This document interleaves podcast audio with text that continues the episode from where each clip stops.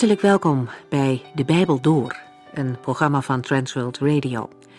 De Bijbel Door is een radioserie die u in vijf jaar meeneemt door de hele Bijbel.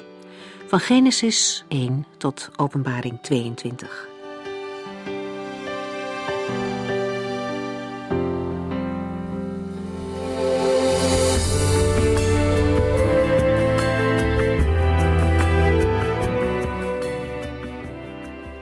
Fijn dat u weer luistert.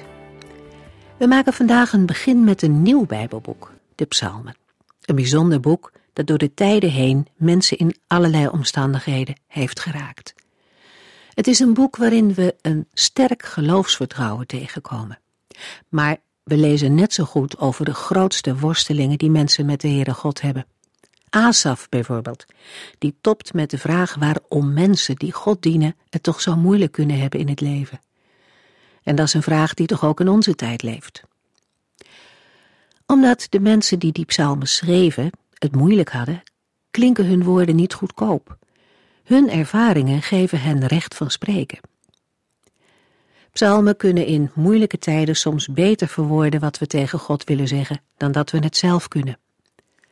En naast de geloofsopbouwende kant kunnen we uit de psalmen ook meer leren wie God is en ook over de Heer Jezus is er juist al in de psalmen veel te vinden. We zullen in deze serie dan ook regelmatig stilstaan bij profetieën over Christus in de psalmen. De hele Bijbel wijst al voortdurend naar de Zoon van God. Ik hoop dat u rijk gezegend zult worden wanneer we de komende weken uit dit Bijbelboek gaan lezen. Als u er iets over wilt vragen, schroom dan niet, we horen het graag van u. En dan is het nu de beurt aan Corveda die u vandaag een inleiding op de psalmen zal geven. En hij maakt ook een klein begin met psalm 1.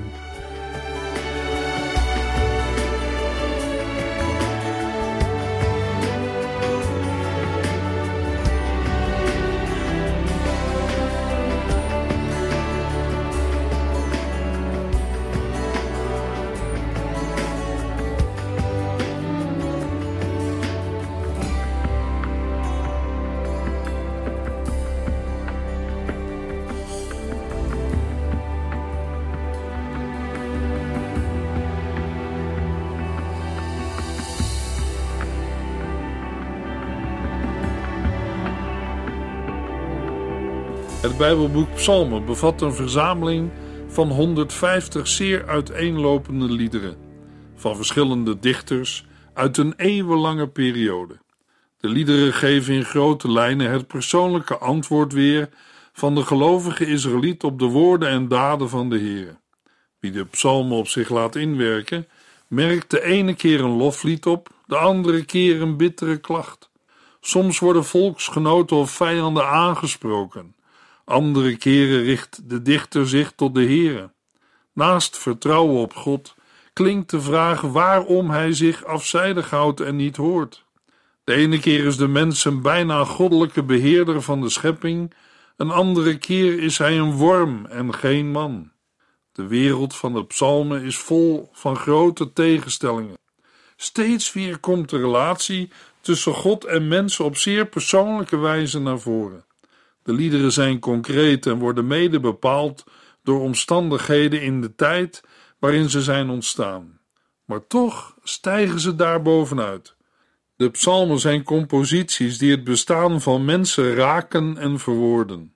Sommige zijn belijdenissen en anderen prachtige gedichten. Ze spreken nog steeds aan in uiteenlopende culturen, leefwerelden en geloofstradities. De oudste Hebreeuwse handschriften hebben geen titel voor de hele collectie psalmen. Wel staat in Psalm 72, vers 20, aan het einde van het tweede psalmdeel, de opvallende aanduiding: Hier eindigen de gebeden van David, de zoon van Isaïe. Deze aantekening geeft aan dat de voorafgaande psalmen gebeden zijn. In de latere rabbijnse traditie wordt het psalmboek aangeduid met boek van lofprijzingen.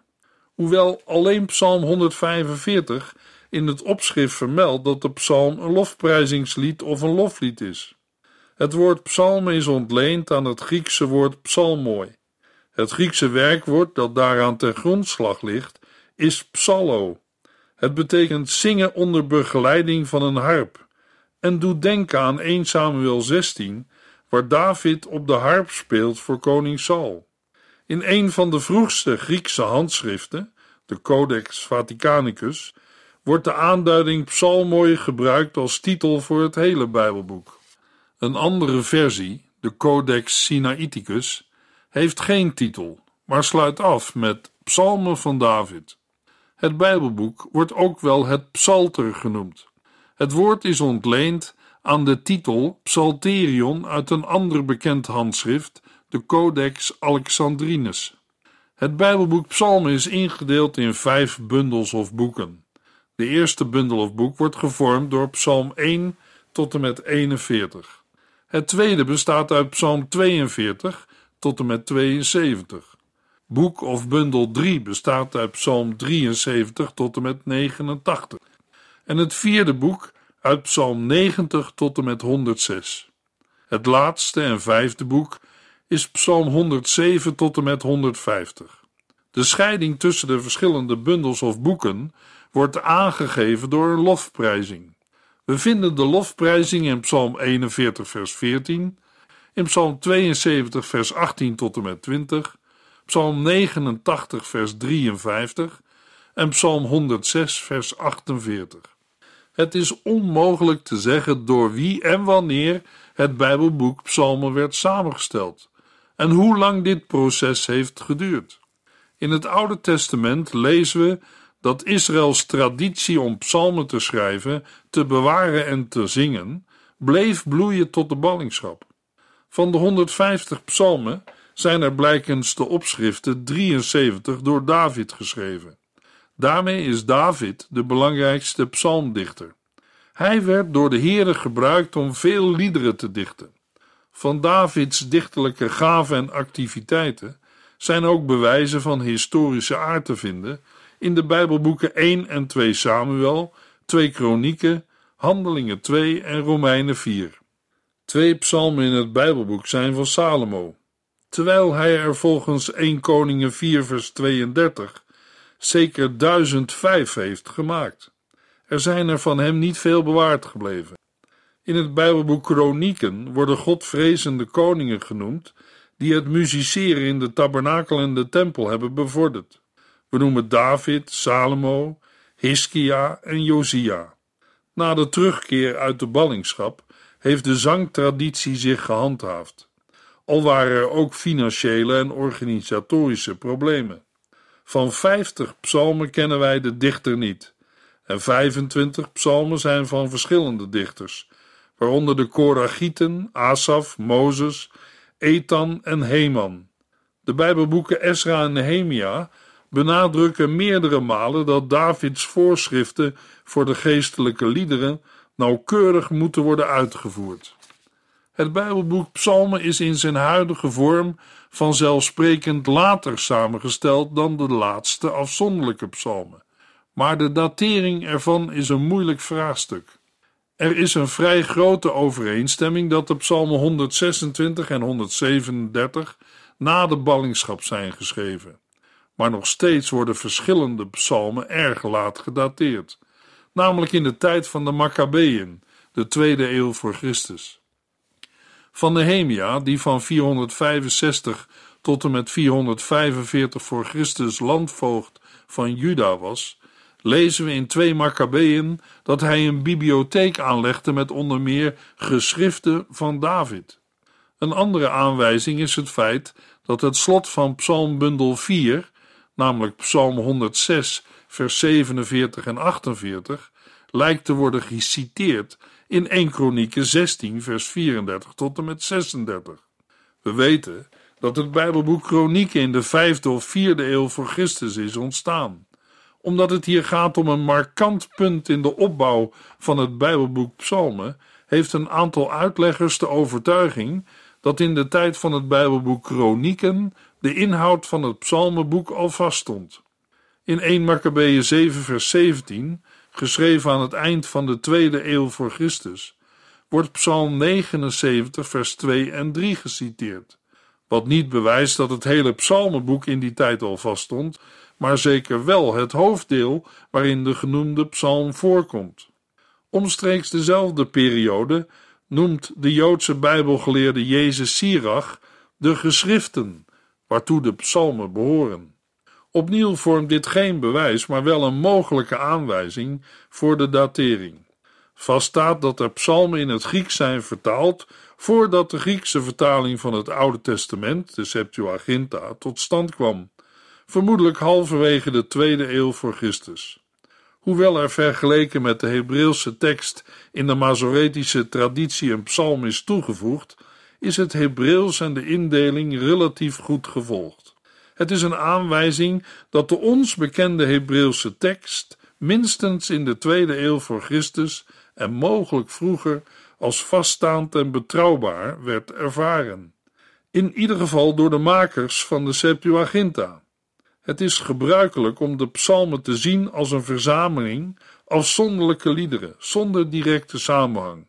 Toch zijn er opmerkelijke verschijnselen die er op zijn minst op wijzen dat een deel van de psalmen gegroepeerd is. Ik wil er bij deze inleiding kort op ingaan welke aanwijzingen daarvoor zijn en hoe de lezing van het Bijbelboek Psalmen als een groter geheel de boodschap van de psalmen beïnvloedt. In de Talmud vinden we de vraag van een buitenstaander waarom Psalm 3 met de vermelding van de vlucht van David voor Absalom eerder geplaatst is dan Psalm 57, waar de vlucht van David voor Saul genoemd wordt. Chronologisch is dat toch niet juist? Rabbi Abahu antwoordt: Voor ons besef nogal kort. Voor u die geen uitleg ontleent aan de plaatsing naast elkaar, is er een probleem. Maar voor ons, die uitleg ontlenen aan plaatsing naast elkaar, is er geen probleem. Hij bedoelt dat de liederen niet zozeer chronologisch gelezen moeten worden, als wel in samenhang met de liederen die ervoor en erachter staan. In de Talmud, maar ook op andere plaatsen, worden al opmerkingen gemaakt over de relaties tussen opeenvolgende psalmen. De vijfvoudige verdeling van het psalmboek wordt ook meermalen vermeld. In de vroege kerk werd dezelfde volgorde van de psalmen aangehouden als in de Hebreeuwse Bijbel, ook al hebben de Septuaginta en Vulgata een psalm meer. Hippolytus en verschillende kerkvaders noemen de vijfvoudige verdeling van het psalmboek.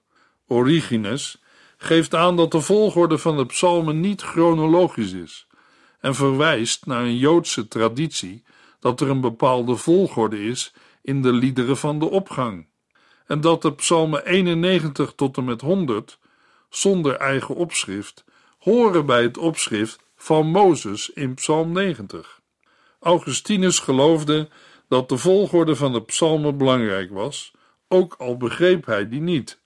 Hij wijst op het verschijnsel dat psalm 50 over berouw gaat, psalm 100, voor ons psalm 101, over ontferming en oordeel, en Psalm 150 over de lof van God door zijn volk, en ziet in die volgorde het leven van de gelovigen getekend. In de 19e eeuw beschouwden heel wat geleerden in Duitsland de opschriften boven de psalmen als secundair en betrokken die dan ook niet in de uitleg en de datering. Hetzelfde geldt voor de plaats in het geheel van het psalmboek, met als gevolg dat het boek gezien werd als een langzamerhand gegroeide verzameling waaraan steeds nieuwe groepjes psalmen werden toegevoegd. In afwijking van deze tendens waren er orthodoxe geleerden die meer waarde aan de opschriften toekenden en ook wezen op de onderlinge verbanden. Terwijl meermalen beweerd werd dat de bundel met psalmen een losse verzameling van allerlei liederen was, werd ook het tegendeel verdedigd.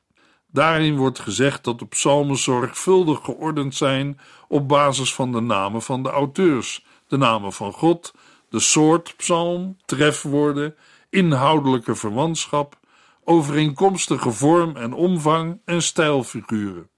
Hoewel de nadruk bij de uitleg lag op de afzonderlijke psalmen, verschenen er ook wel studies over groepen van psalmen.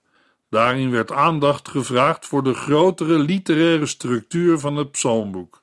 Bijvoorbeeld het verschijnsel dat de psalmen 1 tot en met 90 vooral klachten bevatten, en 91 tot en met 150 hoofdzakelijk lofliederen. Daarnaast wordt ook opgemerkt dat de psalter een patroon kent in de voortgang van klacht naar lof en dat lofprijzingen een functie hebben om kleinere verzamelingen af te sluiten. Een ander aspect is dat koninklijke psalmen een deel vormen van het raamwerk van het psalmboek. Ten slotte wordt aangegeven dat de psalmen 2, 72 en 89 aan de randen van de vijf psalmboeken staan. Vanaf ongeveer de jaren 70 in de vorige eeuw was er bij Bijbelgeleerden een toenemende onvrede over de manier waarop de wetenschap de Bijbelse teksten analyseerde en waarbij het ontleden in kleinere eenheden centraal stond. Exegeten begonnen experimenten met de bestudering van grotere literaire eenheden. Belangrijke onderzoeken brachten aan het licht dat het psalmboek geen verzameling losse liederen is, maar dat er bewuste redactionele activiteit aan te grondslag ligt. Daarbij bleef het niet bij een bewering, maar werd er ook vergelijkingsmateriaal aangevoerd. Er werden verzamelingen liederen geanalyseerd die gevonden waren in Qumran, Sumerië en Mesopotamië. Op basis van onderzoek van op- en onderschriften werd vastgesteld hoe dergelijke verzamelingen tot stand kwamen. Al deze verzamelingen liederen kenden een bewuste ordening en dat resultaat werd toegepast op het Bijbelboek Psalmen. De belangrijkste resultaten van dit onderzoek zijn als eerste, elk van de vijf psalmdelen sluit af met een lofprijzing. Met in de eerste drie gevallen de enige drie keer dat de uitdrukking Amen, Amen in de Bijbel voorkomt. In de tweede plaats worden er twee stadia in de uitgave van het psalmboek onderscheiden. Eerst zijn er de bundels of boeken 1 tot en met 3 verschenen, psalm 1 tot en met 89. En daarna de bundels of boeken 4 en 5, Psalm 90 tot en met 150. Deze indeling in twee ongelijke helften wordt in het algemeen onderbouwd doordat de eerste drie boeken vooral psalmen bevatten met duidelijke aanduidingen in de opschriften in zaken auteurschap en genre. Ook zijn de psalmen 1 tot en met 89 vooral individuele gebeden.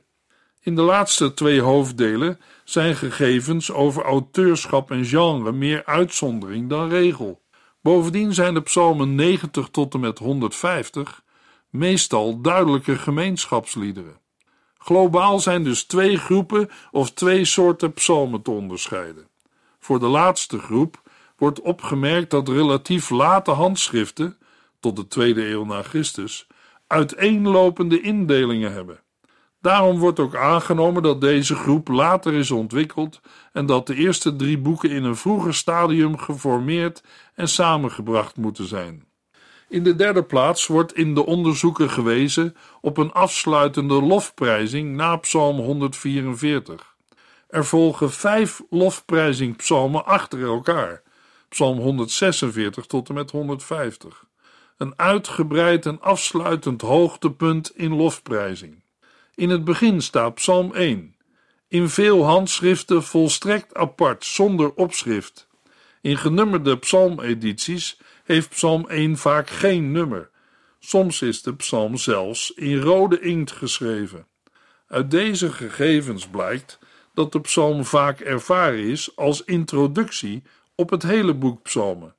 Dat psalm 1 wellicht al in een zeer vroeg stadium een bijzondere structurele functie heeft gehad, blijkt uit de woorden van Paulus in Handelingen 13, vers 33. In veel Griekse handschriften wordt het daarin opgenomen citaat van Psalm 2, vers 7 ingeleid met de mededeling dat het afkomstig is uit de eerste psalm, in plaats van de tweede psalm, zoals de latere meerderheidstekst heeft. Mogelijk is Psalm 2, die duidelijk wijst op de rol van koning David, als inleiding genomen op deze boeken. De algemene inleiding, Psalm 1, en de toevoeging van de algemene afsluiting, Psalm 146 tot en met 150, maken daarom deel uit van dezelfde logische stap in de eindvormgeving.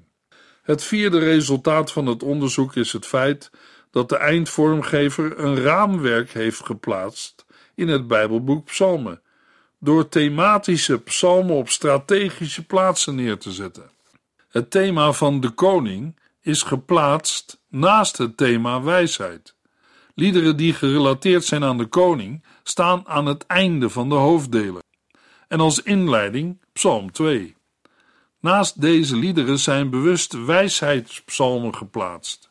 Hiermee wordt duidelijk gemaakt dat de ondergang van het koningshuis niet de ondergang van het geloof in de Here betekent. Bijbeluitleggers hebben op deze uitkomsten verder gebouwd. Daarbij werden de algemeen erkende structuurelementen niet vergeten. Ik noem een aantal van deze elementen. We kunnen de volgende collecties psalmen onderscheiden. De David-psalmen, 73 in totaal, gegroepeerd in vijf groepen. Dan de psalmen van Asaf, 11 in totaal. Asaf was een leviet in de tijd van David. Zijn familie is eeuwenlang muziek voor de erediensten blijven maken. Als derde algemene collectie zijn de psalmen van de Koragieten te noemen. Volgende collecties zijn de psalmen die de regering van de Heere bezingen en de pelgrimspsalmen. Sommige hebben betrekking op de terugkeer uit de ballingschap en de herbouw van de tempel. De pelgrimsliederen hebben dezelfde functie als de feestliederen, vooral voor het Loofhuttenfeest. Ten slotte onderscheiden we nog twee groepen Hallelpsalmen.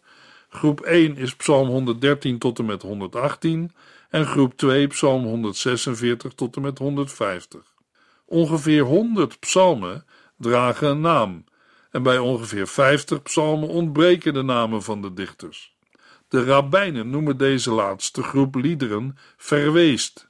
Over Psalm 10, 43 en 115 bestaat verschil van mening onder de uitleggers, of deze met de psalm ervoor een eenheid vormen of zelfstandig zijn. De laatste jaren komt er steeds meer onderzoek naar de Hebreeuwse poëzie, de rol van versstructuren en over taalkundige analyse van verschillende vormen van Semitische poëzie. Omdat steeds meer beeldmateriaal uit het Midden-Oosten bekend wordt, is het ook mogelijk veel afbeeldingen bij het onderzoek van de psalmen te betrekken. Kortom, er is heel wat in beweging rond het theologisch onderzoek van het Bijbelboek Psalmen. Bij de uitleg van het Bijbelboek Psalmen vinden we in de verschillende commentaren een grote verscheidenheid aan benaderingen. Aan de onafzienbare rij studies, spreken, meditaties en muzikale uitingen komt voorlopig nog geen einde. De psalmen blijven inspireren. Daarbij kunnen we leren van vroegere benaderingen en wordt ook duidelijk dat elke periode en stroming eigen accenten plaatst. In het lezen en bespreken van het Bijbelboek Psalmen willen we ons vooral richten op wat de psalmen bedoelen. De psalmen willen woorden geven aan de omgang met de Here. Dietrich Bonhoeffer, een vooraanstaand Duits kerkleider en theoloog, drukte het zo uit. Het psalter is het gebedenboek van Jezus Christus in de meest eigenlijke zin. Hij heeft het psalter gebeden en nu is het zijn gebed geworden voor alle tijden. Nu Christus bij de Vader is, bidt de nieuwe mensheid van Christus, bidt het lichaam van Christus op aarde zijn gebeden verder tot het einde der tijden. Is een vers of een hele psalm al niet mijn eigen gebed, dan is het toch het gebed van een van de anderen uit de gemeenschap. Zo is het heel duidelijk het gebed van de ware mens Jezus Christus en van zijn lichaam op aarde. De psalmen drukken prachtige vereringen van de Heere uit, intense gevoelens, verheven emoties en gevoelens van diepe droefheid. Ze spelen als het ware op het toetsenbord van de menselijke ziel en alle registers staan open.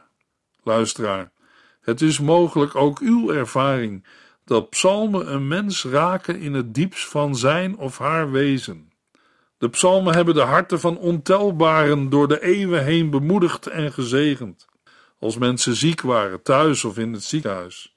Als er problemen zwaar drukken, dan kan een mens troost vinden in psalmen. Ambrosius, de grote kerkvader, zei: De psalmen zijn de stemmen van de kerk. En Augustinus zei: Ze zijn een miniatuur van de hele Bijbel. En Maarten Luther: Het psalmboek is een boekje voor alle heiligen alle gelovigen. En tenslotte Johannes Calvijn, hij zei over de psalmen: De psalmen ontleden alle delen van de ziel. De psalmen zijn ook vol van Christus. Ze geven een dieper beeld van Christus en verdiepen daarmee de evangeliën. In de eerste boeken van het Nieuwe Testament wordt ons verteld dat de Heer Jezus de berg op ging om te bidden. Maar in de psalmen vinden we zijn gebed. De evangeliën vertellen dat Jezus Christus werd gekruisigd, maar de psalmen vertellen wat er in zijn hart omging toen hij werd gekruisigd. In het Nieuwe Testament lezen we over de hemelvaart van Christus, maar de psalmen tonen Christus die in de hemel zit. In deze introductie kunnen we lang niet alles vertellen en aangeven. Maar terwijl we het Bijbelboek lezen, zullen we op bepaalde zaken verder ingaan. We gaan nu eerst vers 1 van Psalm 1 lezen. Gelukkig is de mens die in de wandeling niet luistert naar de raad van slechte mensen, die niet blijft stilstaan op de weg van de zondaars en vermijdt te zitten bij hen die met God spotten.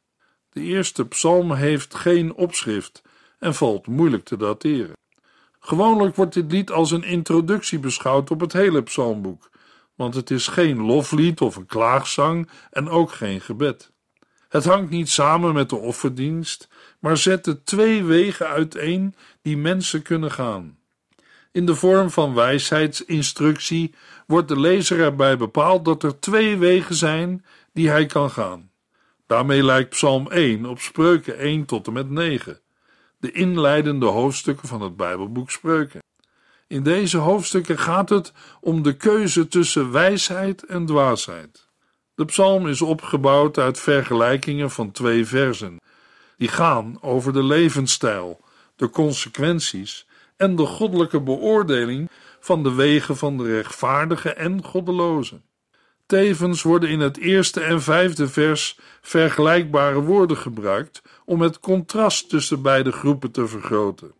De psalm kan getypeerd worden als een aansporing om de goede weg te bewandelen en maakt daarvoor gebruik van positieve en negatieve omschrijvingen.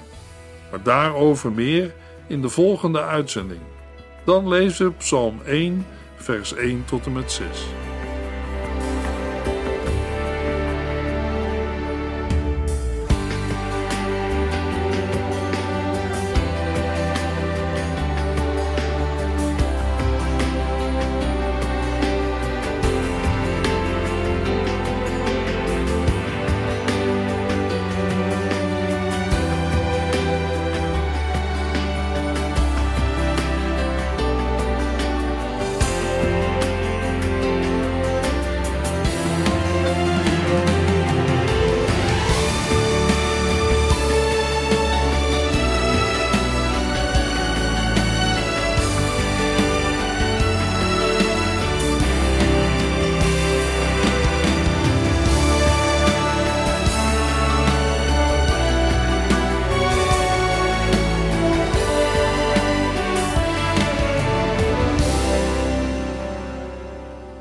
Heeft geluisterd naar De Bijbel Door.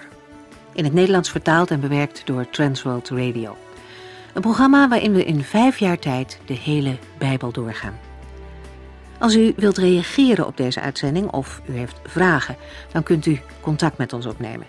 Tijdens kantooruren kunt u bellen op 0342 47 8432. 0342 47 8432. 32. Ook kunt u een e-mail sturen naar de Bijbel transworldradio.nl en natuurlijk kunt u ook via de post ons bereiken. TWR, postbus 371, postcode 3770, AJ in Barneveld.